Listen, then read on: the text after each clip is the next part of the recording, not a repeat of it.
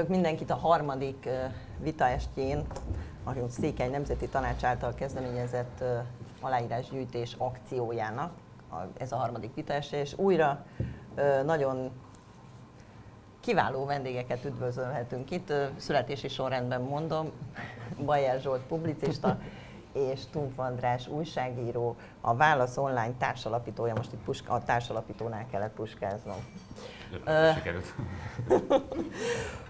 Van majd nagyon erős aktualitásunk, ami nem tudunk igent vagy nemet mondani. Elvileg ma szavaz az Európa Parlament plenáris ülésén, szavaznak a képviselők arról, hogy lesz-e meghosszabbítása ennek a kampánynak. Elvileg ez egy formál, formális szavazás, nem tudjuk az eredményét.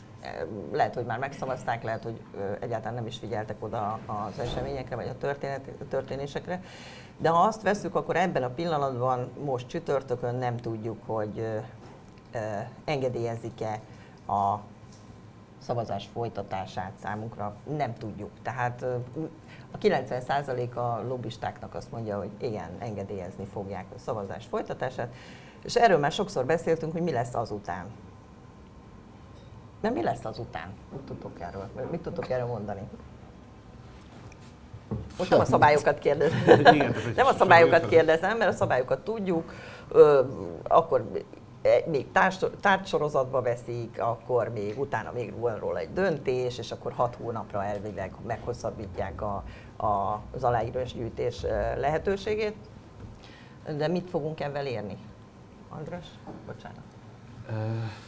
Üdvözlök mindenkit sok szeretettel, köszönöm szépen a meghívást. Elvileg egy vitára érkeztem, azt kérdeztem, hogy vajon mi, mi, miben tudunk majd vitázni ez, ez ügyben itt akár Bajár Zsoltal, akivel rengeteg vitáspont van, már ezt cikkekben is többször megejtettünk mindenféle vitákat, akár interjúban is minden. Valószínűleg több dologban nem értünk egyet, mint amiben egyetértünk, de például ebben pont, hogy a Székely Nemzeti Tanács kezdeményezése támogatandó-e, ebben véletlenül 100%-ig egyetértünk, tekintve, hogy én is aláírtam ezt a hívet, mint ahogy az a közösség, amelyet én képviselek itt, amelyet voltál olyan jó megemlíteni, a Válasz Online közössége és közönsége szintén támogatta ezt a, ezt a kezdeményezést.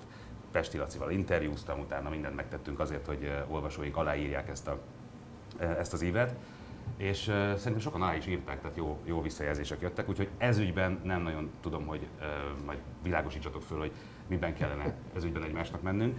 Viszont hát, hogy, hogy mi lesz, ha akarom, akkor tudom... Nem is ez volt a kérdés, mert most már lasszóval kell azokat fogni, akik nem írták alá ezt, ezt a kezdeményezést. De ezt, ezt akik nem írták alá, azok... Ez, ez, ez nem, én ennek örülök, de szerintem akik nem írták alá, már emigráltak is Gyurcsány Ferencen kívül. Nem, tehát, hogy nincsenek az országban.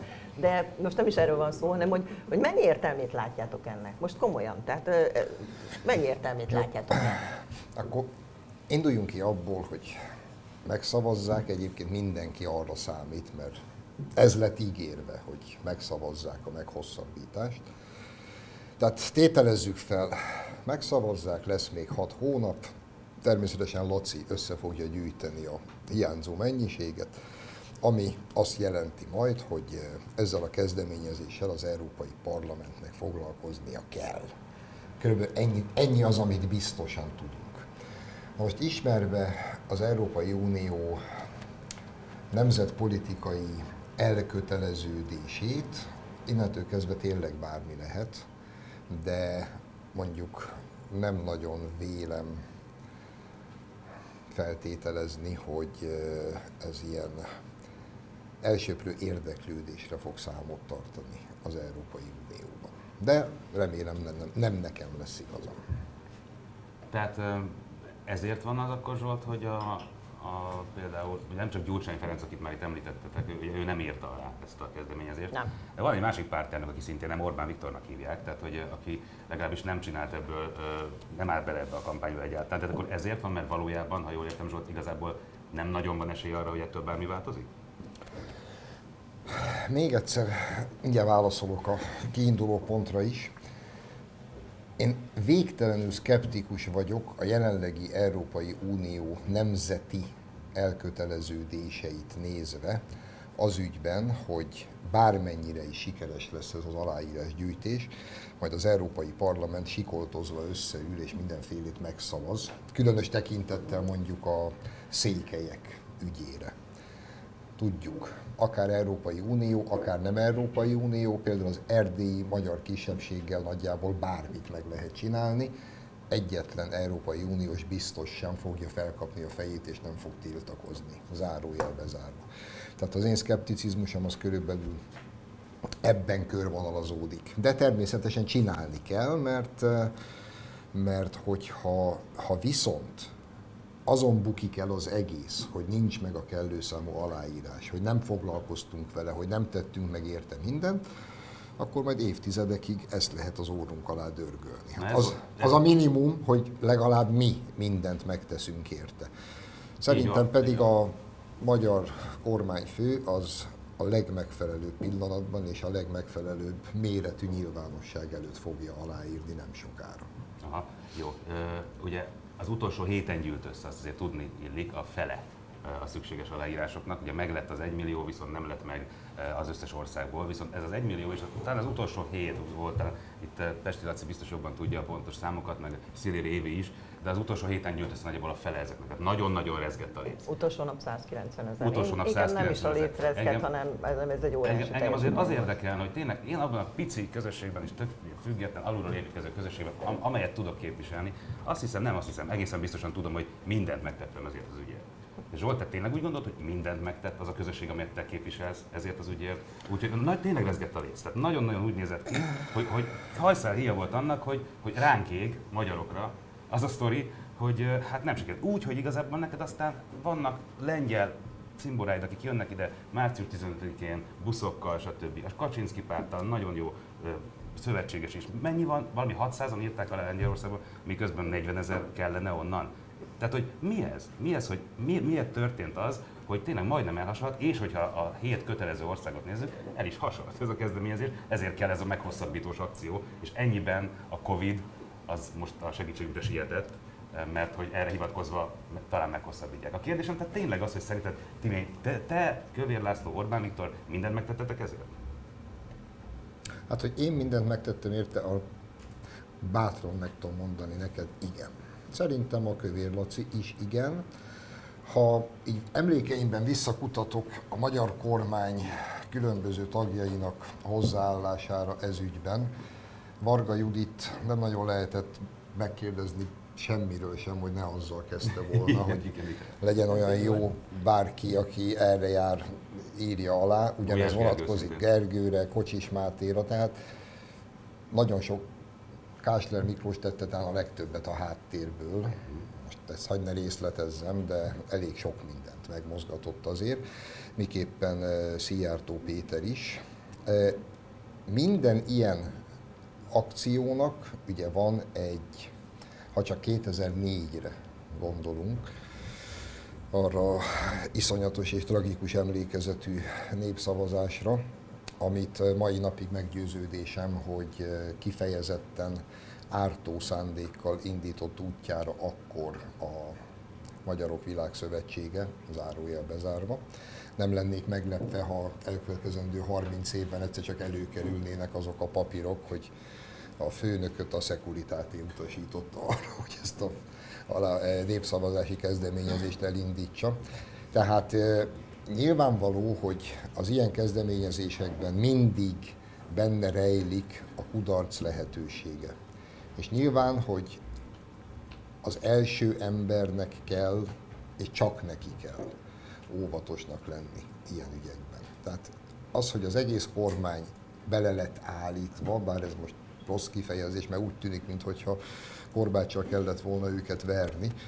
Nem, a kormány magától is beleállt ebbe a dologba, mondom még egyszer, a miniszterelnök pedig nyilván kivár. Valami diplomáciai ügy van? Tehát, hogy a kettős állampolgárság az is diplomáciailag kényes volt, aztán mégiscsak azt mondta, szerintem egyébként nagyon helyesen a kormány, hogy mindegy, pont a 2004-es ügyek miatt. Ebben, nincs, pedig ebben, ebben szerintem nincs, akkor, akkor nincs, ilyen, nincs ilyen szinten kényes dolog. Nem hiszem, hogy bele kell mindjárt az első kanyarban egy bukás lehetőségével a a kezdeményezés hátterében exponálnia magát a miniszterelnöknek. Ő ezzel bőven ráír. Nem, nem, nem ő rajta múlott. Még, egyszer mondom, az egész kormány intézte.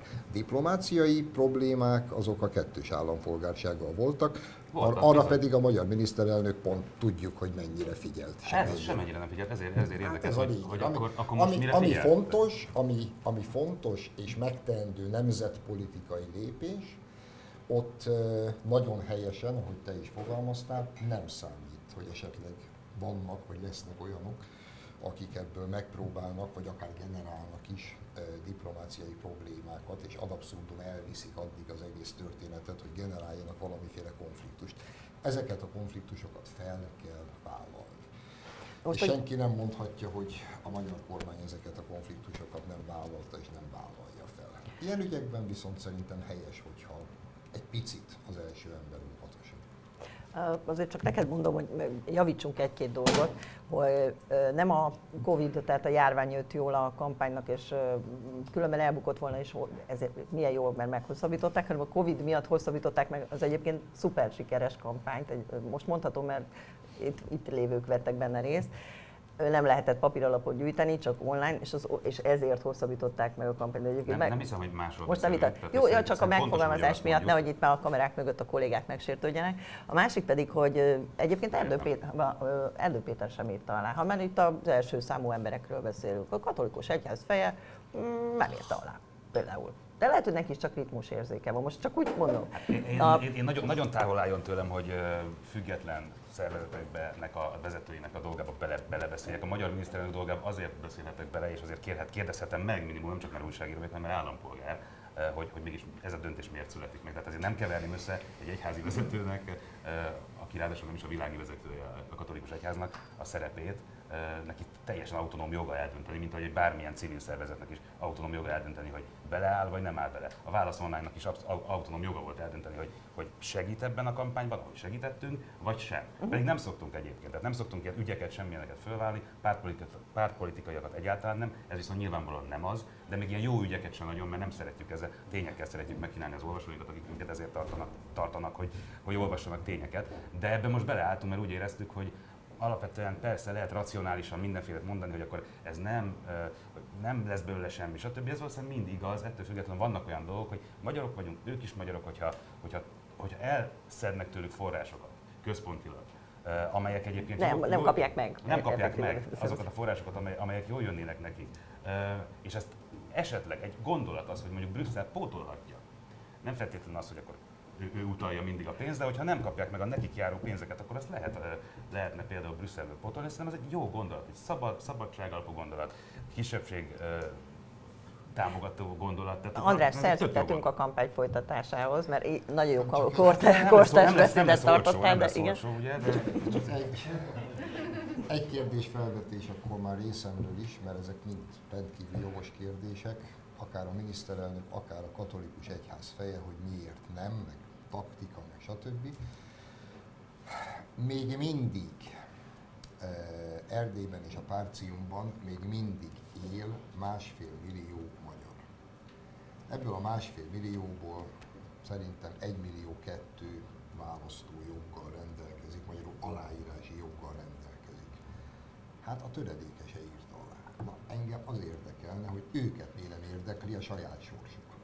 Na igen, ez jó, erre mondtad, hogy általában. Erre nem tudok válaszolni. Erre nem tudok válaszolni, el fogok rajta gondolkodni. Erre lehet azt mondani még, hogyha így valahogy mentegetni próbálja az ember a tényleg nagyon kínos helyzetet, mert ez az, hogy hogy hát a Covid miatt nem lehetett, és ők pedig nem online írnak alá, hanem inkább papíron, ugye ezt ilyen érveket hallottunk, hát ez azért sovánka, bizony kérdés, de a kérdés mégiscsak az, Zsolthoz továbbra is fenntartanám ezt, hogy ha most a következő körben például a lengyelektől kell 40 ezer, akkor be, beizítod valahogy ezeket a kapcsolataidat? Azért neked vannak. Hát láttunk téged uh, tényleg ilyen hát speciál, 40, speciál 40 ezer lengyel nem ismerek. A Facebook is csak ideje, ideje, ideje korás tartolni Van egy-két lengyel kapcsolatom, be fogom izzítani értelemszerűen, sőt felvidéki kapcsolataim is vannak, azokat is be fogom izzítani. Megvannak, nem? A székely szóval kapcsolataimat nem tudom, hogy be kell izzítani, mert szerintem ott már minden létező dolog be van izzítva, hogyha egyszer ennyire volt elég, akkor ennyire volt elég. Horvátország a sötét luk, de Laci azt ígérte, hogy megoldja. De ez folytatódik a kampány, és egyébként ez a terület is csak úgy szolgálati közleményként elmondanám minden a sinek mellől, hogy ezt, a terület, ezt az aláírásgyűjtést is folytatják a, a kampány szervezői, tehát itt is megy tovább az aláírás, és két millió a cél, tehát nem, nem, nincsen plafon, nem lehet kicsit álmodni, nem, merünk, nem mernek kicsit, kicsik lenni, tehát nagyok, nagyokat kell álmodni, és nagy célokat kell kitűzni. De most, hogy így mindenki egyetértett abban, hogy ez fontos, egy kérdésre nem válaszoltál még, hogy de mi? Tehát lesz értelme? Mert ezt még nem választottam. Zsolt már válaszolta, még nem mondtál semmit rá. Ebben Zsoltal értek egyet abban egyébként, hogyha tehát azért, volt, azért fontos ezt aláírni, vagy azért fontos volt aláírni, mert az nagyon nagy szégyen, és az visszaüt. Visszaütött volna, hogyha kiderül, hogy van egy ilyen kezdeményezés, de elbukik azon, hogy még minket se érdekel. Tehát, hogy az, az hivatkozási alap lehetett volna évtizedekig másoknak, akik még nem szeretik ezt a témát, és ezt ez nem, nem Magyarországiakról beszélek, hanem például Romániában élőkről. De akkor ennyi? Aláírtuk, mert nem, de, de, de ha nem tesszük nagyon, meg, olyan, akkor olyan, elmúlt, olyan nagyon-nagyon nagy... Nincs értelme? Lehet egy hivatkozási alap később, hogy, hogy itt volt egy olyan kezdeményezés, amelybe összejött, ugye összesen ami 74 kezdeményezésből 5 ilyen európai polgári kezdeményezésre sikerült az 1 millió aláírást összegyűjteni. Tehát ez önmagában már... Tehát ez nem fog átmenni szerinted sem? Ez már egy siker átmenni. Mi az, hogy átmenni? Ugye csak annyit lehet elérni, mint hogy a minority, minority safe pack is csak annyit lehetett elérni, hogy ez az első, előző ilyen, uh, ilyen történet volt, csak annyit lehetett vele elérni, hogy az Európai Parlament elé kerüljön a történet, foglalkoznia kelljen vele, de az, hogy mit kell döntenie, az, az természetesen nincsen benne ebbe, hiába írunk alá akárhányszor, foglalkozniuk kell vele, majd aztán azt mondjuk, megtárgyaltuk, nem döntöttük semmit, az is lehet, tehát elképzelhető. És nem feltétlenül azért, mert mert éppen nagyon utálják a székelyeket, hanem mert egy csomó nemzetállamból áll egyébként az Európai Unió, amelyeknek a kormányai éppen, vagy a képviselői többségének nem érdeke megszavazni a saját kisebbségeik miatt sem. Akár ez, ez is egy bőven elképzelhető sztori. Tehát, hogy ez a legrosszabb, vegyük azt, hogy ez a legrosszabb de verzió. itt van az igazság sajnos. Ez lesz az igazság. hát, szóval gyerekek, azért mondjuk az Európai Unió második legerősebb tagállam a Franciaország. Franciaországban csodálatos jakobinus düvel tüntették el a létező összes kisebbségüket. És csináltak egy és oszthatatlan, Ceausescu kedvenc kifejezése volt, egy és oszthatatlan nemzetállamot. A románok ezt az utat vélték követni mindvégig a kommunizmus alatt, szerintem a mai napig ezt az utat követik, és ebben erős támogatóra találhatnak a franciák a britek se nagy barátai a saját nemzeti kisebbségeiknek, bár mondjuk odáig sosem merészkedtek, mint amit a franciák gond nélkül megcsináltak. Hát most nem a spanyoloknak is van Igen. éppen elég bajuk a saját nemzeti kisebbségeikkel, szóval ez rohadtul nem egy népszerű ügy Európában, ezt azért jó, ha tudjuk. Ö, akkor most itt ülök két szkeptikussal, de mondjuk azt, hogy vagy gondolunk, játszunk el avval a gondolattal, hogy az Unió változik és játszunk el abban a gondolattal is, hogy a, mi magyarok eléggé szeretünk évekkel előre menni, elé menni a történéseknek, és szeretünk egy nagyot lépni akkor, amikor mindenki még toporogott a hátunk mögött a, nem tudom, ott ajaj, a szélén. Ma, mai napon már azért kaptunk ilyen nemzetkarakterológiát, hogy a magyar nem, férfi, nem. férfinek a, milyen a, az arhetikusanak, stb. Most jön A földműves férfi. Milyen, a, a, a, gazda, a, a, a gazda. A gazda. A gazda. Szerintem azért ez ilyen nagy általánosított. De ezt bízátok ránk nőkre, tehát én megmondom, hogy az. Tehát ez egyébként igen, de ez Orbán Viktor mondta, hogy valaki nem mentünk kocsmaszintre, hiszen itt vagyunk lent a... nem, de mondjuk azt, hogy megmondom, miért gondolom ezt, vagy miért miért reménykedjünk ebben, vagy miért dobom be ezt a témát, ez a harmadik a pontos. Merkel tegnap azt nyilatkozta, hogy az uniónak, ugye soros elnök, az uniónak változnia kell, változnia kell. Új alapokra kell helyezni az Európai Uniót, új gazdasági alapokra, stb.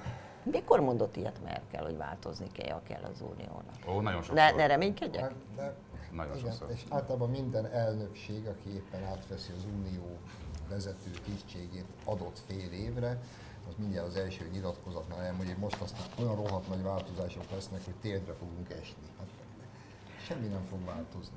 Semmi. És ráadásul az egész egy sóhivatal, lássuk be. És most pont Merkel fog majd nagyot változtatni. Azt vajon mibe?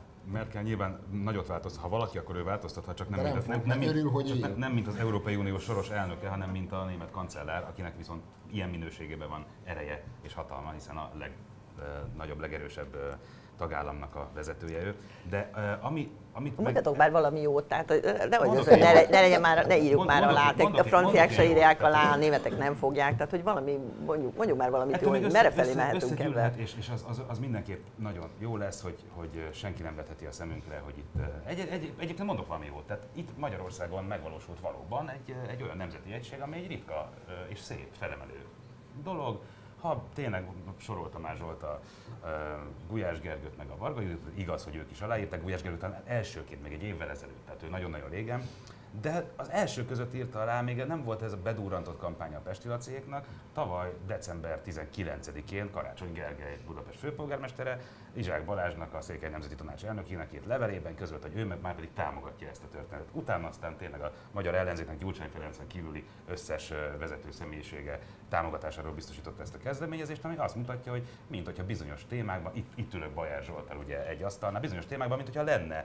e, olyasmi, amiben az emberek egyetértenek, és azt mondják, hogy független attól, hogy százezer más dologban nem, de ebben igen, és ez pedig egy ilyen, ráadásul egy ilyen nemzeti ügy, eh, ami, ami tök szép. Tehát ha akartál jót, hogy, hogy mondja, tessék, ez tök jó. Ez, ez szerintem egy teljesen jó Jó, bíztatót esetleg akkor máshogy fogalmazunk a jövőre nézve, hogy most Bíztatót tudok mondani, szintén, szintén, folytatjuk. De, de azt, azt mondjuk én sem úgy képzelem, hogy majd, és egyébként talán ki is kérni magának Zsolt, és lehet azt mondani, hogy micsoda egy izé, lityi szervezet ez a, ez a Brüsszel, hogy nem tudja ezt megoldani, meg tőlük bármit lehet. Na de hogyha viszont meg tudná oldani, és így belenyúlna azt a nemzetállamoknak a dolgaiba, akkor mit mondaná Zsolt? Nyilván az, hogy ne ugasson bele Brüsszel, hogy mi van mondjuk a magyar nemzetállamban, az itteni kisebbség nehogy már, nehogy már Karácsony Gergely kapjon mondjuk Brüsszelből eh, a magyar államot kikerülve, megkerülve pénzt, ugye ők is kértek, tehát hogy nehogy már a nem tudom micsoda eh, nemzetiségnek nyilvánítassa magát őshonosnak mondjuk a, a helyi cigányság, a magyarországi cigányság, 600 éve itt vannak, tehát akár lehet, és akkor azt mondjuk, hogy nehogy már, azt mondanád nem, hogy nehogy már Brüsszel a magyar állam feje fölött támogasson. Tehát e, két élő fegyver ez, e, az biztos, hogy, hogy hogy lehet elérni, hogy, hogy, hogy megkapják a székelyek azt a pénzt, ami egyébként járna a régiónak, akár e, területarányosan, per kopf, tehát hogy tényleg ne legyen, ne legyen visszatartva ez a pénz, hogy fejlődésnek indulhasson a, a régió, most azt arról ne beszéljünk, hogy a, ne lopják el a felét, de hogy tényleg, tehát, hogy ezt hogy tudjuk elérni? Ezt bizony csak úgy tudjuk elérni, hogyha a helyi románok fogják kikényszeríteni együtt a, a helyi magyarokkal. Itt nem a Székelyföldre gondolok, a, nem a tömbmagyarságra, hanem egész Erdélyre. Tehát Erdélyből, egész Erdélyre igaz az egyébként. Ugye a román állam, vagy a Bukarest konkrétan, e, visszatartja azokat a pénzeket, nem adja oda, csak többet fizet be, mint amennyit, amennyit kap, elvonja onnan a forrásokat, és ez bizony nem csak az erdélyi magyarokat idegesíti nagyon érthető módon, hanem az erdélyi románokat is. Hogy mennyire, tehát hogyha eléri-e azt a pontot, az ő idegességük, hogy na jó, köszi, ez így nem oké, hogy én finanszírozom erdélyi románként a havasalföldieket folyamatosan, meg mindent. Tehát, hogy ezt a, ezt a szintet elérje, és azt mondja, hogy figyük a e, Bukarest, tárgyaljuk már ezt újra, mert, mert ez így nem jó, hogy mindent elveszel. Ha ezt sikerül elérni, hogyha velük sikerül szövetséget kötni az erdélyi magyarnak, az erdélyi románnal, nagyon utopisztikus vagyok, tudom, de ha ez sikerül, akkor az olyan erő, amire se Bukarest nem tud nemet mondani, se senki nem tud nemet mondani. Tehát, hogy... Igen, ebbe egyfelől ó, bár csak így lenne. Hm. Mondom, utopisztikus elképzelés, másképp viszont nehéz elképzelni a dolgot. Van egy ilyen kezdeményezés már az Európai Unió kellős közepében, sőt, mondhatni talán a harmadik legerősebb országában. Van egy politikai párt, ami az egész étoszát arra építette föl, hogy ők, mint észak-olaszok, rohadtul unják, hogy száz éve finanszírozzák a dél-olaszokat, és ők a maguk részéről szeretnének csinálni egy saját országot és egyébként ha valaki végigutazta már Olaszországot északról délre, akkor pontosan tudja, hogy Garibaldi hadjárata csodálatos volt, és valóban ő a nemzetegyesítő, Olaszország nem egy ország. Az minimum kettő, de inkább három. Ugye Garibaldi is szabadkőműves volt, csak hogy tudjuk, tehát hogy biztos ez. Az, ke- az kevésbé érdekel. Jó, vicc volt, miért valaki komolyan venni Olaszország nem egy ország. Aki azt mondja, hogy a milánói olasz, meg a szicíliai olasz az egy nemzet része, hát az szóval nem, nem érti a dolgokat. Tehát, de, és ugye úgy beszélnek Európai Unióban erről a észak-olasz pártról, mint a ördög seggéről, tehát nem nagyon van megértés ez irányban. Pedig ugyanazt mondják, amit most te mondtál. Ők finanszíroznak egy országrészt, amely, amit unnak finanszírozni. Pont. Reagálva még, hogy mibe örülnék, ha beleszólna Brüsszel, vagy mibe nem érdekelne. Felőlem Karácsony Gergely annyi pénzt fog kapni Brüsszelből külön, amennyit akar, az pont nem érdekel. Ha az észak-borsodi cigányok úgy döntenének, hogy kiszakítanák Magyarországból észak-borsodot és létrehoznák az önálló cigány köztársaságot, valószínűleg az utolsók között lennék, aki támogatná ezt. Hát azért er, erről nincs szó a székelyeknél, ők se, ők se kiszakítani hát, Romániából világos, csak te mondtad, a székely hogy ha a cigányok ezt mondanák, akkor... Hát nem, csak hogy kapjanak, mint hogy a székelyek. Az kapjanak, biztos, hogy... mint őshonos kisebbség. Én, én, már, én már lejjebb adtam. Tehát én már öreg motoros vagyok a szakmában, én már sok mindent láttam, sok illúzióm volt, ami mind oda veszett én már annak is örülnék, ha mondjuk én még egyszer megélném azt, hogy Jurova asszony nem csak az indexért aggódik, hanem esetleg fölkapja a fejét, hogy Marosvásárhelyen a Magyar Orvostudományi Egyetemet mézáratta be a román állam. Ha egyszer ezt úgy egy fél mondatban megemlíteni, én már roppant boldog lennék, és mondanám, hogy azt a betyárját Brüsszel de messzire merészkedett. És ilyen Igen. kicsivel beírem, tényleg. Igen. Ilyen kicsi vágyaink sokaknak vannak, én nem mutatnálak titeket, önöket azzal, hogy a enyémeket előadjam, bár nekem is volna egy-kettő. Mire gondolsz? Hát az ilyen be, bez, bezárásokról, stb. Tehát az mondjuk nem annyira brüsszeli, hanem magyari, tehát ilyen, ilyen, ilyen, ilyen kis magyarisztáni történetek, amikor, amikor az emberek bezárják például az újságját, stb. Nem brüsszeliták, hanem magyar eh, kormánypolitikusok. Eh, itt a nézőközönség között is van, van néhány eh, olyan kollega, akivel ez megtörtént. Tehát, hogy eh, igen, igen bizony, ha már az index itt szó, szóba került, van miért felemelni a szavát egy uniós biztosnak. Azzal egyébként egyetértek, hogy... Nem, nem az index került szóba, hogy bocs, amikor... bocs, várjál, pontosítsunk ki, mit mond. Az került szóba, hogy szegény Jurova az indexére aggódik, amit szerintem életében nem olvasott, tehát nettóban, tuti biztos, hogy nem olvasott, csak kapott valakitől egy az levelet. Nem, az nem baj, hogy aggódik érte? De miért nem aggódik például ennél az sokkal viszont, fontosabb dolog hát érte a határon ez, ez, túl? Ez, ez, ez, ez, ugye, ez, Zsolt is biztos ismeri, meg, meg te is ismered ezt a helyzetet, amikor, amikor az olvasó azt mondja, hogy jó van szerkesztő, de miért nem arról írnak, hogy? Nem, de nem. Ez, ez, a, tudod, ez a, hát azért, mert a témát dolgoztuk fel, meg nem vagyunk uh, rengetegen, tehát hogy szerintem azzal nincsen baj, hogy egyébként uh, megfogalmaznak kritikákat magyar uh, kormányzati lépésekről, meg uh, médiapiaci mozgásokról, gazdasági ügyekről. A, igen, még Brüsszelben is van egyébként uh, véleményszabadság, tehát akár még a Jurova is elmondhatja. Azzal viszont tényleg van gond azért, hogyha, hogyha mondjuk feldúlnak temetőket, ugye ki, ki, kidobálnak kereszteket, stb. Akkor, Nagyon, akkor tudod, nagy, mennyit beszéltek róla. Akkor nagy csönd van. Tehát, hogy, Úgy semmit. Akkor nagy csönd van. Ez, ez, ez, ez tényleg, tényleg, tényleg probléma. Csak ugye ez mind, mind olyasmi, hogy, hogy el kell tudni érni azt, jól kell, ügyesen kell lobbizni, meg kell, hogy legyen a kapcsolat, a székelyeknek, igen, ezen sokat kell dolgozniuk még, hogyha ilyesmi van, akkor legyen ott az az ember itt Brüsszelben, aki, hogyha megszólal, az komolyan veszi ott a helyi brüsszeli elit. Bizony, bizony, ez meló. Sok-sok év melója. És úgy látszik, ezt a melót még senki nem végezte.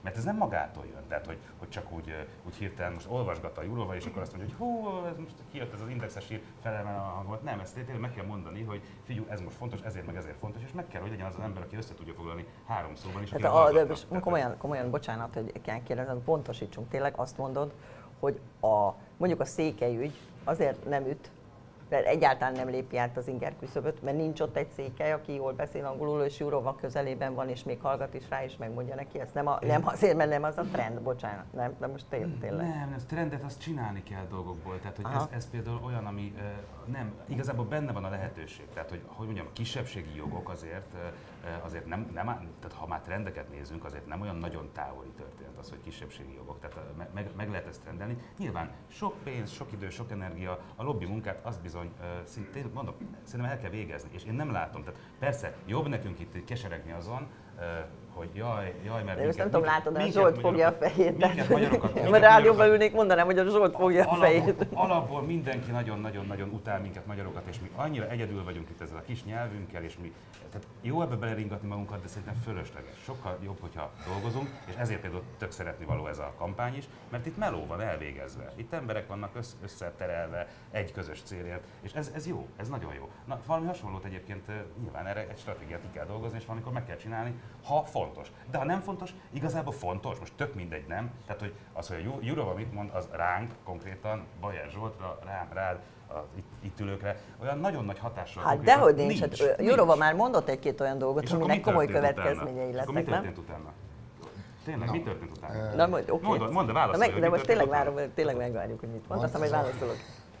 Prób, prób, én is mindig próbálok ilyen pragmatikus vonalon mozogni, bár kevésbé vagyok pragmatikus fogalmazó. De e, az, válasszunk már biz- bizonyos dolgokat ketté. Tökéletesen igaz és maximálisan egyetértek azzal, hogy ma az Európai Unióban teszem hozzá általánosságban a nyugati kultúrkörben, nyilván az Egyesült Államokat is beleírtam elsősorban, nehéz olyan úgynevezett kisebbségi ügyet találni, amit ne lehetne azonnal az ad abszurdumig elvinni, és ne lehetne hozzá bármennyi támogatót gyűjteni. Egyetlen egy kivétel van, ez alól a nemzeti kisebbségek. Én, ha holnap összeírok még het, a meglévő 72-n kívül még 72 gender identitást, mindegyik mögé fogok tudni állítani milliós nagyságrendű támogatót, és hihetetlenül fognak szeretni értem, hogy én ennyire rajongok a kisebbségekért. Speciál a székelyeknek nem az a bajuk, hogy nem tudják feleségül venni a bírát. Nekik más problémájuk van, ez viszont Brüsszelben nem nagyon éri el az inger küszöböt. És ennek megint van egy európai háttere, egy száz éves európai háttere, az imént már emlegettem a franciákat például. Az első világháborút lezáró úgynevezett béke diktátumban vastagon bűnsegédi, bűnrészes az összes akkori atlanti nagyhatalom, élő Franciaországgal, és eh, ha bármikor is lenne a történelemben igazságosság, sosincs, ha lenne, akkor egyébként a második világháborút lezáró Nürnbergi pernél, pernél a vádlottak padján az első világháborút lezáró békét összerakóknak mind ott kellett volna ülni. Mert ha nincs az első világháborút lezáró béke, akkor nincs második világháború. Okos emberek mondták már az első világháború végén, hogy ez nem béke, hanem fegyverszünet, és nem sokára kezdődik az egész előről, pont a béke miatt. Tehát nincs. És mivel a speciál annak a békediktátumnak megfellebbezhetetlenül mies, mi voltunk a legnagyobb áldozatai, még a németeknél is nagyobbak, pedig aztán ők is kaptak. Szóval, eh, és a másik oldalon ott állnak azok, akik ezt összehozták, nem azért, mert minket úgy abstrakt utálnak, meg egyedül vagyunk a kis nyelvünkkel, nem. Itt van egy száz éves bűn, amit mindenki megpróbál eltakargatni, sőt, mint általában bűnös a bűnnel kapcsolatban, eh, a végsőkig ragaszkodik ahhoz, hogy itt minden rendben van. Így aztán Brüsszelben a románok mindig nagyobb lobbyerőt fognak képviselni, akkor is, ha holnaptól a Székely Nemzeti Tanács összeköltözik vele a Jurováron.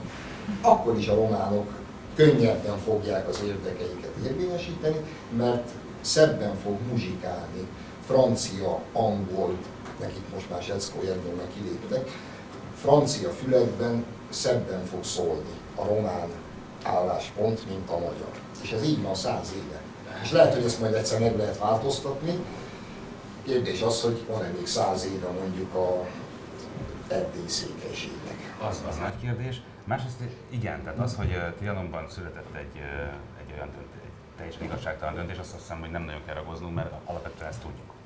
De, hát ugye, amikor, amikor megnézzük, hogy mi történt ott, bár ez most tényleg nagyon messzire vezet, csak Zsolt ilyen messzire vissza. Igen, akartam mondani, hogy nem menj már bele, de- mert még már csak 10 vissza- percünk van, visszavitt, menjünk tovább. hogy 1910-ben Erdély, hogy Erdély volt azért egy egység, ami nem volt Magyarország viszont úgy soha, tehát hogy mindig volt egy különálló identitása, stb.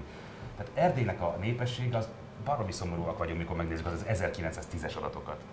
Többség román. De elég durva. De ez a helyzet sikerült ugye az 1500-as évektől kezdve szépen, fokozatosan, folyamatosan, de, de folyamatosan olyan ter, hát Erdélyt románokkal megtölteni. Vagy tehát legalábbis úgy, hogy többségi nemzet legyen a román. Tehát alapvetően, amikor azt mondjuk, hogy hú, igen, nagy igazságtalanság történt, ez az igaz, meg ott van a tömbben lévő székelyek, stb. mind nem vették figyelembe. Tök igazságtalan húzták határokat. Általában, hogy a vesztesekkel szoktak egyébként. De hogy, de hogy ugye erre simán azt lehet mondani, hogy de miért lett volna igazságtalan? Hát többségben voltak. Hát azt kapta meg, aki, akinek több embere voltak. És ez, ez sajnos, sajnos igaz. Tehát ne csináljuk úgy, mint hogyha egy ilyen színmagyar, nagy Magyarország lett volna, és akkor, és akkor le, ledaraboltak belőle részeket, ahol ezek nem, ott már, ott már akkor kisebbségben voltunk, és ez szomorú. Viszont, csak hogy jó, jót is tudjak mondani. Amikor, amikor Zsolt arról beszél, hogy, hogy igen, ez a, a, a nyugati vagy európai elitben ez a gender ügy az sokkal népszerűbb, mint amilyen a, a székely ügy, ez nyilvánvalóan így, ez így igaz. De hogyha megnézzük, hogy milyen folyamatok indultak be pont most, akár az amerikai szobor döntések kapcsán, akár az elharapózott ilyen MeToo, meg a PC-nek a, az őrületi fokozódása után, akkor látjuk, hogy most pontosan azok, akiket egyáltalán nem lehet jobboldalinak titulálni, itt a Harry Potter írójától kezdve egy sor nagy neves író, művész, mindenki aláírt egy olyan nyilatkozatot, hogy elég volt abból a, abból a terrorból, ami egyébként a szélső, jobb, szélső jobbról szokott jönni, ezt beleírták, hogy a, a szélső jobb szokta ezt csinálni, ezt teljesen csak, csak az ő álláspontja, és mindenki más pedig egy rohadt hazaáruló, akit taknyán és vérén kéne kiráncibálni, vagy valami ilyeneket.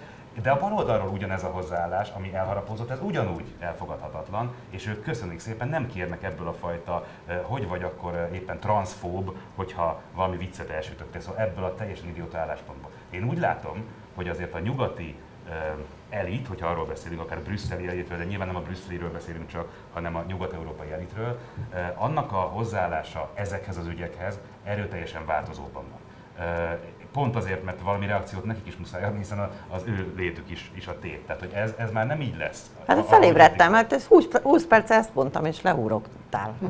De, de, bocsánat, de tényleg ezt mondtam, Mire hogy reménykedjünk, hát akkor lehet, lehet, hogy nem, ezt Jó. mondtam pont, hogy igen, igen, bocs, megelőzzük, meg. és azt mutattuk, ó, ne, hát bocsás, meg, megelőzzük a korunkat, egy kicsit előrébb léptünk, egy kicsit megmutattuk, hogy tehát megint ott vagyunk, hogy ezeket a, ezeket a nemzetiségeket meg kell őrizni. Á, megint. Sajnos, sajnos, sajnos Zsoltnak azzal az állítással vitatkoztam most, hogy ez még mindig így van, és nem történik semmi a, mondjuk a gender ügyi. Az, hogy a, hogy a székelyek ügye majd fölkerül az Európai Unió, vagy akár a, a nyugati Nem csak erről beszéltem, de azt mondom, én sem állítanám, azt azért nem merném. Né, azt mondtam, hogy egy kicsit előrébb tartunk, és nézzük meg, hogy meg, de nem, nem akarok itt vitatkozni, mind a kettőtök kellene. De, de, de, nem az a dolog. Nem, hát pont nem, hát ti vitatkoztok, én meg itt üldögélek, és mindent tudom, mosolygok egyébként. Tehát, hogy, a, hogy mi egy kicsit előrébb járunk. Azt mondjuk, hogy a nemzetállamok, a nemzetiségek oldják meg Európa összetartását. Nem a problémáját, az, az összetartását. A nemzetállamok vagy nemzetiségek? A nemzetiségek, nemzetállamok, nemzet, nemzetiségek, bocsáss meg, nemzetek. Ennél valószínűleg egy kicsit Na, hát én, én, vagyok a én irigylem, irigylem a, az optimizmust, és egyébként nekem aztán nagyon jó esett, hogy Harry Potter írónője, aki azt merte mondani, hogy csak a nők menstruálnak, és ezért majdnem nyilvánosan kivégezték, mert egyébként a Nyugat-Európában ilyet nem lehet mondani. És ennek kapcsán valóban most 150 értelmiségi talán még Szálmár Rusdikból, Igen. Potter írójánál, nem tudom ki, aláírták ezt a nyilatkozatot, azért most már legyen ebből elég. Én nagyon remélem, hogy ennek lesz fogalmatja. De amit te, amit én gondolok, hogy pedzegetni szeretnél, az szerintem az ennél mélyen is fontosabb ügy. Nevezetesen. Amikor azt mondod, hogy közép- és kelet-európa, más azt, hogy lépéssel előrébb vagyunk. Kettővel. Úgy gondolom kettővel. De nem csak ebben. Én, az elmúlt években bizonyítottuk, hogy elég sok mindenben előre, előre én, én, én, én ezt a következőképpen látom. Én azt gondolom, hogy egy kicsit most magamnak fogok ellentmondani, az imént azt mondtam, hogy a történelem sohasem igazságos, lehet, hogy néha egy kicsit még és a történelmi igazságtétel, ha úgy tetszik, most éppen abban nyilvánul meg, hogy az a közép- és kelet-európa, amelyik eh, nem is az a, az a legfontosabb, hogy soha nem volt igazából gyarmattartó. Az oroszok most ebből a szempontból kivételek, de tényleg ennyire részletesen nem menjünk benne, bele. Közép-európai nemzeteknek soha nem voltak gyarmataik, a közép-európai nemzetek 5-6-700 éven keresztül a puszta létezésükért és az államiságukért vívtak a szó legszorosabb értelmében élet-halál harcokat, és maguk szenvedtek el egyébként akár klasszikus vagy félklasszikus gyarmati sorsokat. A lengyeleket mondjuk háromszor letörölték a térképről, legutoljára a Molotov-Ribbentrop paktum eredményeképpen. Tehát valószínűleg ez a történelmi múlt, ez a történelmi sors az, ami adott ezeknek a nemzeteknek valamiféle védőoltást, hogy ne menjen el teljesen az eszük. Tehát amikor te azt mondod, hogy mi előrébb járunk, én is ezt gondolom, most ez persze nézőpont és hogy mihez képest, de az, hogy Közép-Európa például ilyen ügyekben élesen szemben áll a nyugattal, a gazdagabb, állítólag fejlettebb, műveltebb és civilizáltabb nyugattal, ahogy ezt mindig megkapjuk és mindig a fejünkre olvasják. Hogy éles szembenállások vannak nemzetpolitikában, egyáltalán a nemzethez való viszonyulásban, hogy éles szembenállás van migrációs ügyekben, hogy éles szembenállás van akár demokrácia felfogásokban is. Nyilván számos fronton és ponton meg lehetne nyitni a vitát, de nekem meggyőződésem, hogy a közép- és kelet-európai társadalmak ma ezer szempontból ezerszer egészségesebbek, mint az atlanti civilizáció társadalma. És egy kicsit, tudom, hogy ezek mindig elnagyolt történelmi párhuzamok, és megint órákat lehetne erről pro és kontra érveket felhozva beszélni, de hogyha most mindenképpen egy történelmi analógiát kellene felállítanom, és sajnos ezt e, magyar történelem végzettségüként is mondom, a történelem legszomorúbb és legnagyobb tanulsága az, hogy folyamatosan önmagát ismétli. Magács Imre tudna erről sokat mesélni mesélni. Szóval, hogy ha történelmi párhuzamot és analógiát kell felállítsak, és mondjuk a legpesszimistább, a feje, az én fejemben lévő legpesszimistább forgatókönyvet e, gondolom megvalósulni, akkor egy kicsit ott tartunk, mint a nyugat- és kelet-római birodalom annak idején. És a nyugat-római birodalom szükségképpen pusztult, a barbárok keze által, és Bizánc még egy 400 évvel túlélte. Lehet, hogy most mi leszünk Bizánc. No, hát messzire vinne, hogyha minden egyes ilyen, ilyesmit cáfolni szeretnénk. Tehát azért önmagában az nagyon jó, jól hangzik, és szuper egy ilyen Budapesti egyébként teljesen kellemes klímájú pincében, szuper borok is vannak itt, meg ilyenek.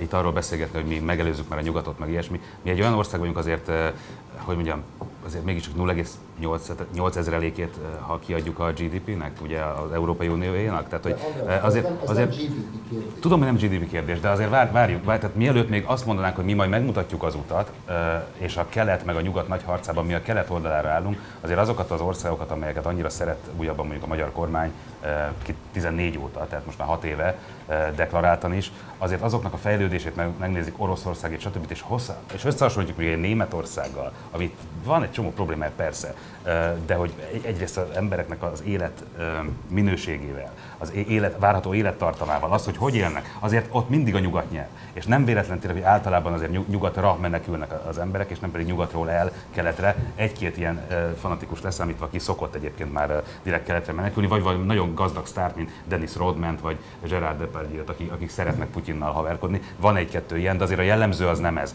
Én nem, nem hiszem azt, hogy a, hogy a hanyatló nyugat az, azt most majd lehagyja a kelet és, és vége lesz. Az innováció eddig mindig nyugatról jött, akár Orbán Viktort is idézhetném ugye 12 évvel ezelőttről, aki azt mondja, hogy a szabadság mindig nyugatról jött, és a keletről meg az soha, hanem csak a, a, a függés és a, és a szolgaság. Tehát ugye ez volt az Orbán Viktori 12 évvel ezelőtti dolog, én ezzel a mai napig egyébként nagyjából egyetértek, bár elnagyolt volt természetesen, mint minden politikai dolog, de várjál, várjál, most azért ne szólj bele, mert szeretnék egy-két dolgot még itt elmondani ezzel kapcsolatban.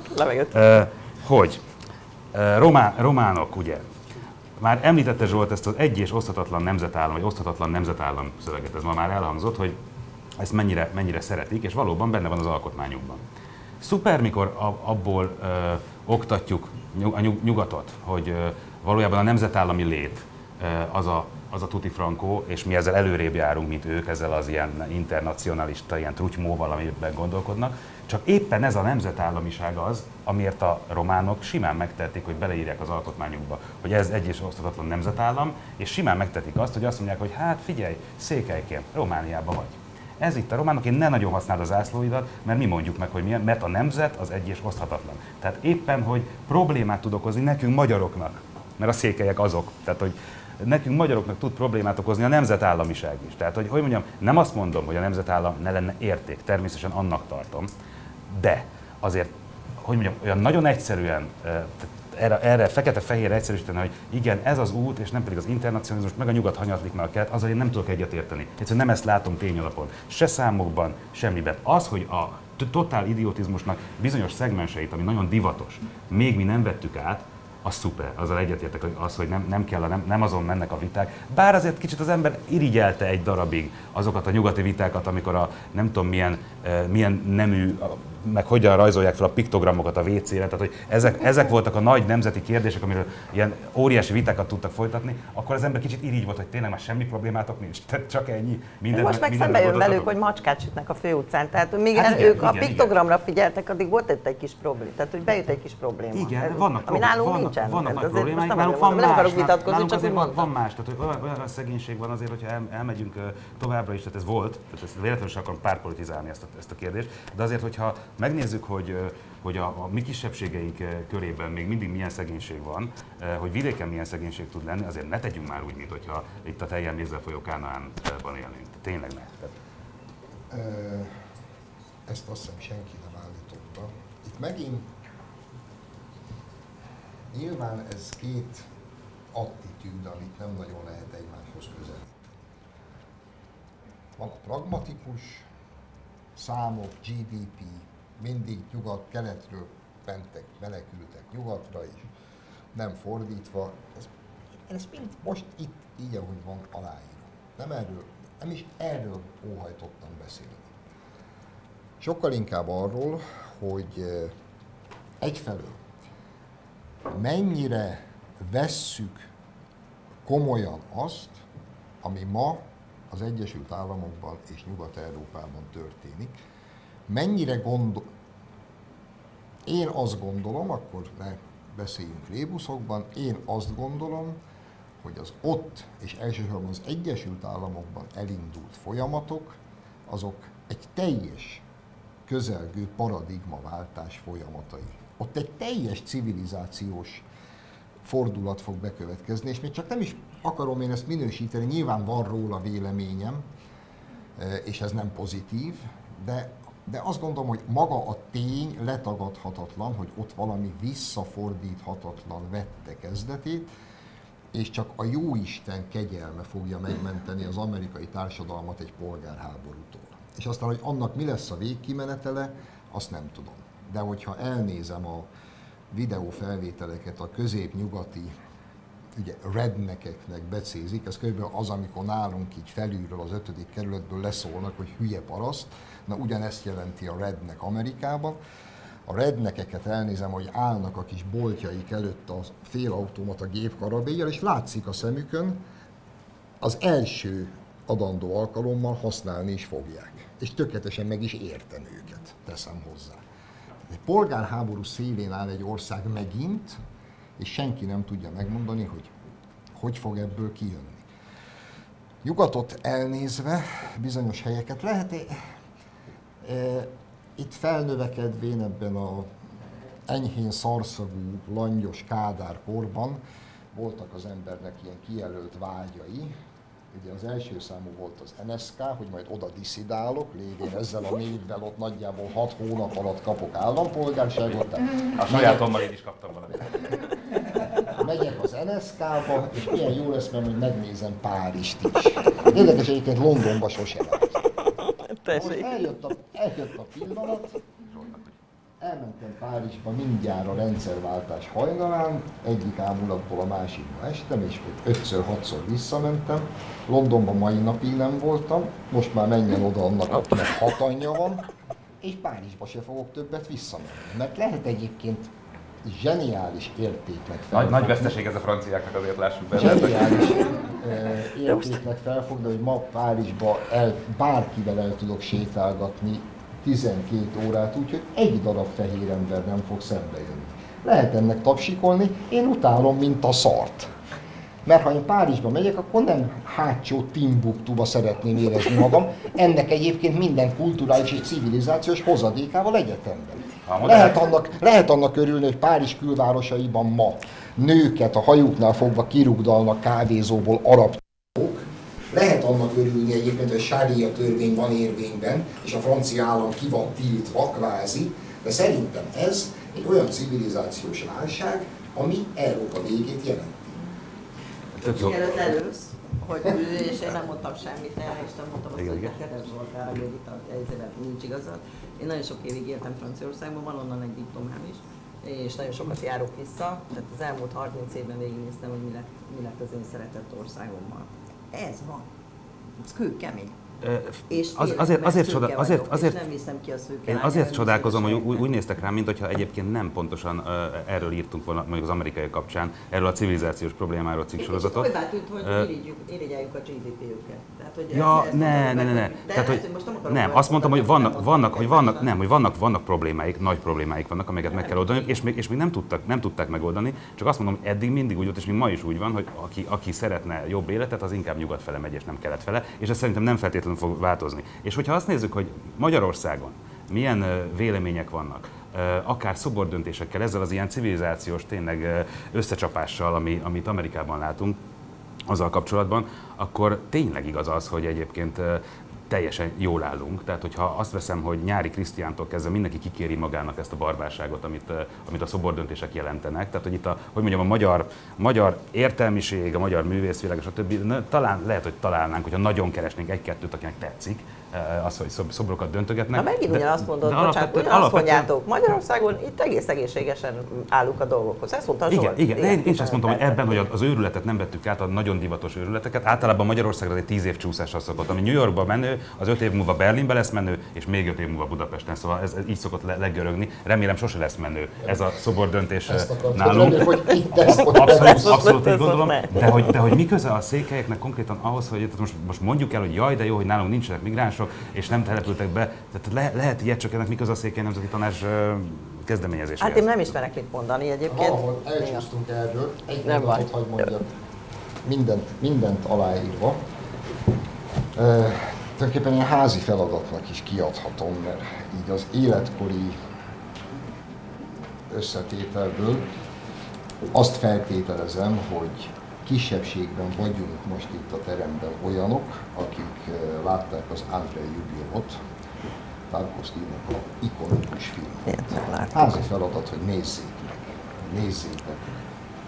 Mert van abban egy jelenet, a harangöntés, vagy a harangöntő című betétben, ami pontosan azt az üzenetet hordozza, amiről én beszélni szeretnék. A gyerek, akit elvisznek, mert az apja a harangöntő meghalt, és a fiú, mikor kerestek valakit, mert tönkrement az uraság harangja, és a fiú azt hazudja, hogy az apja ráhagyta a harangöntés tudományát, és majd ő megönti a harangot, és ezt elhiszik, és elviszik, és egy iszonyú zsarnokká válik egy ilyen 16 év forma fiú, aki, akinek, mint kiderül, fogalma sincs a harangöntésről, mert az apja nem hagyta rá, de mégis megcsinálja, és amikor ott állunk az utolsó jelenetnél, kész a harang, de még nem szólalt meg, és még senki nem tudja, hogy meg fog-e szólalni. És jön az uraság a kíséretével, és a kíséretében, hát Oroszországban vagyunk, kizárólag nyugati, francia, olasz és német, ilyen gigerli ficsúrok vannak cifra ruhában, akik fölsorakoznak, és ilyen röhögve, azt mondják, hogy na ez a harang a büdös életben nem fog megszólalni. Hogy is tudna egy ilyen szarába szakadt ócska muzsik itt az orosz tajgába harangot önteni. És mikor megszólal a harang, és szebben szól, mint a Szentpéter Bazilika harangja, akkor Tarkovsky valószínűleg egy elégtétel szolgáltat a nemzetének. Én csak erről beszéltem, lehet, hogy mi fogunk harangozni. És egyszer csak rá fognak oda átjönni, hogy már harangot se tudnak önteni, sőt, igényük sincs. Bocsánat.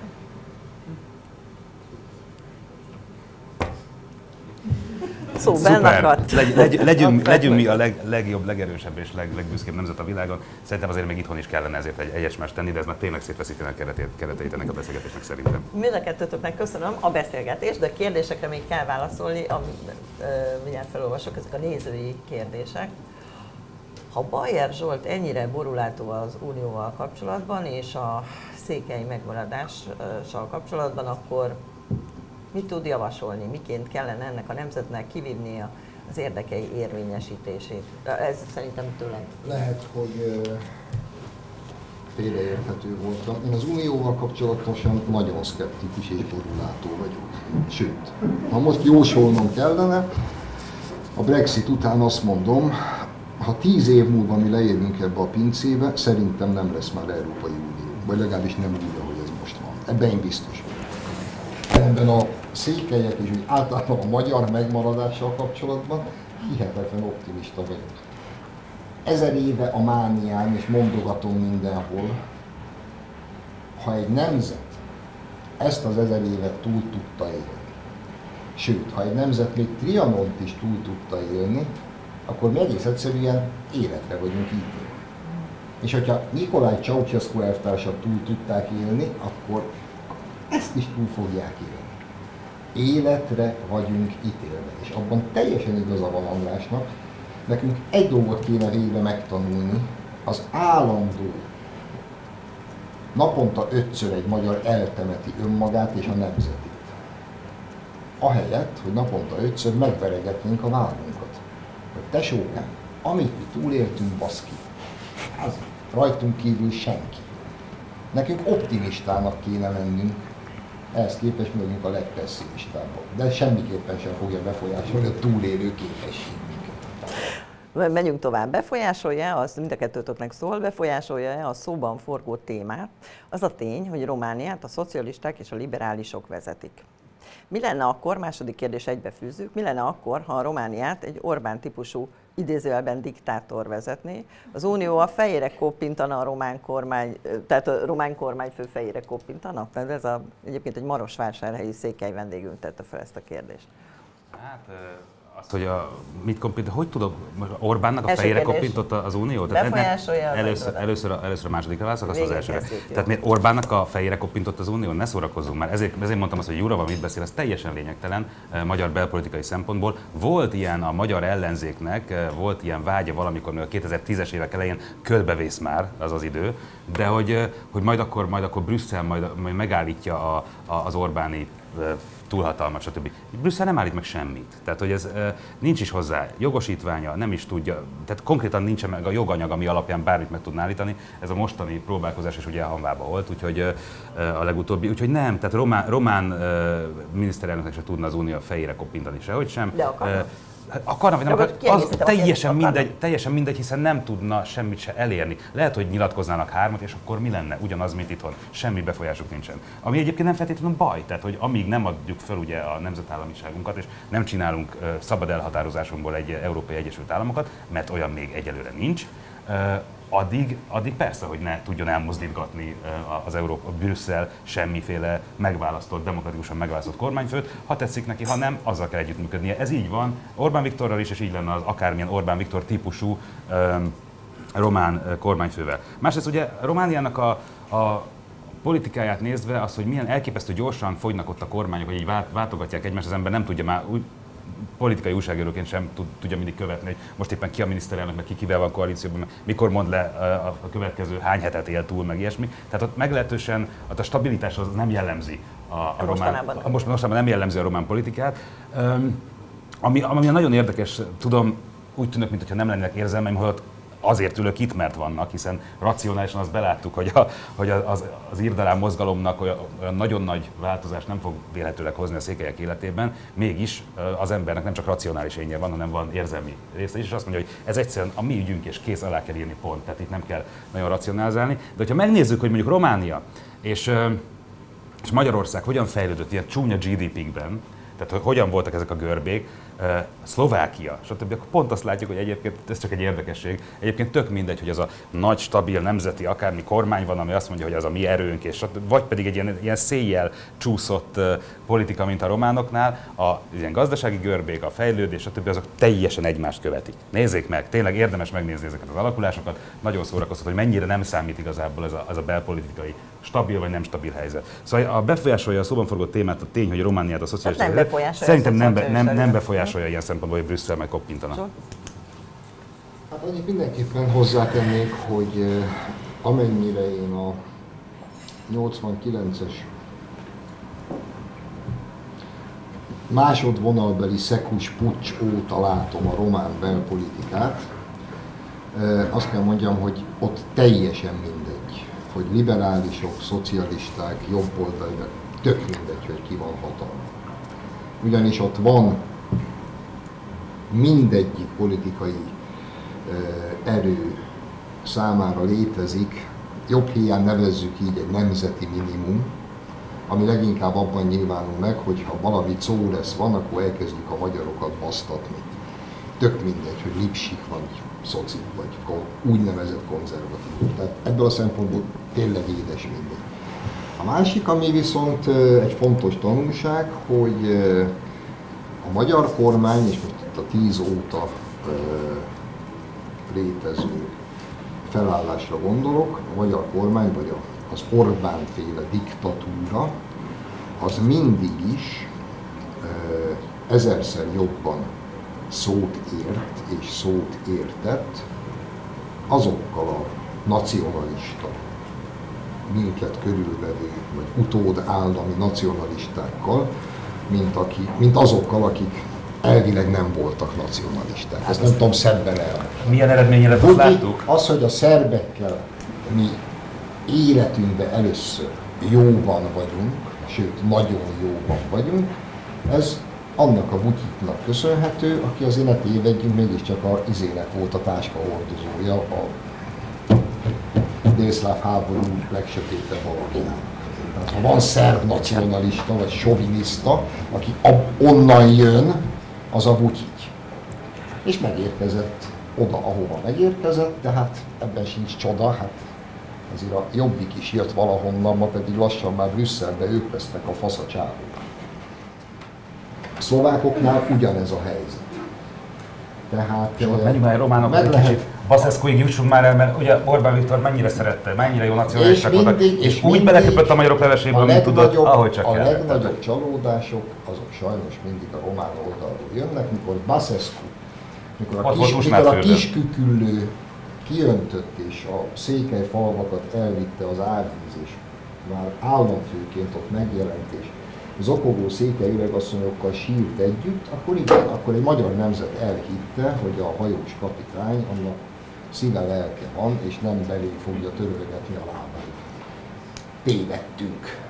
Ennek örülök, hogy elismered. Ezt, tévedni szoktunk. Ezt tök jó, hogy elismered. A román politikával kapcsolatban mindig sikeresen. Mert én is úgy gondolom, hogy nem volt eredménye ennek a nagy cimboráskodásnak a Tusnádfürdőn, Baszeszkóval, minden, mert abban a pillanatban, amikor az érdekű úgy diktálta, azonnal, azonnal felvette ezt a magyar ellenes... Csak ez csak ne legyen már a mi bűnünk ez legyen az ő. Hát de most azt mondod, hogy mennyire szuper, hogy milyen, jól, milyen jól megérti egymást a nagy nemzeti meg, nacionalista, hát még az is nincs nem, belőle hasznunk. Tehát de, az a baj, hogy... De van, mert per pillanat mondjuk az, ami a délvidéki magyarsággal eh, történik, akár autonómia kezdeményezésekben, magyar nyelvű oktatásban, kulturális intézmények fejlesztésében, és, és a hallgatólagos és beleegyező szerb hozzáállásban, ez ma megkérdőjelezhetetlen. És tovább megyek, az új, az új szlovák miniszterelnök, aki Trianon kapcsán 12, mondjuk így, csodálatos, értelmes, emberi és európai mondatot el tudott mondani, én persze itt ülök, és én még bármit elhiszek a szlovák miniszterelnöknek. Lehet, hogy jövőre itt fogunk ülni, és azt mondjuk, hogy ez is át Egy picit, egy picit, egy picit hadd had, had, had beszéljek haza, egyedül a válaszolmánynak adott interjút a szlovák miniszterelnök, amikor itt volt. Mi, egyelőre mi is úgy, úgy tűnik, hogy... hogy Még ti is hisztek Mi- neki. Tehát nem úgy, hogy- hiszünk, hogy egyébként tényleg így vagyunk. Azóta Így nem, van, nem is cáfolta meg a, a, az ez, és ez jó, ez jó. Erre általában András azt szokták mondani, hogy kettőnk közül valamelyikünknek nincs igaza, és ez nem én vagyok. Igen, igen, erre a viszonyra. Utolsó kérdés, és ez egy nagyon emelkedett kérdés, nem olvasok fel mindent. Volt szó a székelység következő száz évéről. Mm, Az első kérdés, hogy lesz-e még száz éve, tényleg, de ezt tényleg röviden válaszoljatok meg. És lesz-e az Uniónak száz éve, vagy mondjuk Franciaországnak száz éve? Erre részben válaszoltatok röviden, röviden. Nem vagyok jós. Jó, oké. Székelyeknek lesz. És hogyha a székelyeknek lesz, akkor nekünk is lesz. Szerintem Franciaország is lesz száz év múlva, most feltéve, hogy az emberiség nem követi el a lehető legnagyobb elmebajt, és nem írtja ki saját magát, tehát hogyha ezt kizárjuk, akkor szerintem száz év múlva is lesz Franciaország. Milyen Hogy mi lesz, mi lesz az államvallása, arra már azért nem vennék mérve. Hát, hogyha Franciaországnak lesz államvallása, akkor majd gáz van. Tehát ugye ott pont, hogy nincs államvallás. De ez nem Le- véletlenül le- fogalmaztam Igen, ilyet. hogyha lesz államvallás, az már önmagában gond. Igen, igen, igen. Re- remé- reméljük, hogy, hogy lesz Franciaország, meg, meg Székelyiség, meg Magyarország persze. De hogy É, nem tudom. igen, igen, és nem írják elő, le őket azért, mondjuk a maradék fehéreket azért, mert melanin, ö, kevesebb melanin termelnek, és ezért genetikai balesetesek, ugye, amit mostanában hallottunk, hogy ez, ez probléma a fehéreknél. Kevés melanin van, er, ergo génhibásak. Ez szerencsére nekem kimaradt ez a sztori, ezt majd szerintem majd Átküldöm e-mailbe megbeszéljük utána. Jó, hát mind a kettőtöknek nagyon szépen köszönöm, hogy itt voltatok, és megtisztelteté- megtiszteltétek a pincét és az írdalák kampányt avval, hogy beszéltetek erről a témáról. Bajár Zsolt pu- publicistának és Trumf Andrásnak köszönöm, hogy itt volt velünk. Nagyon szívesen. Köszönjük szépen.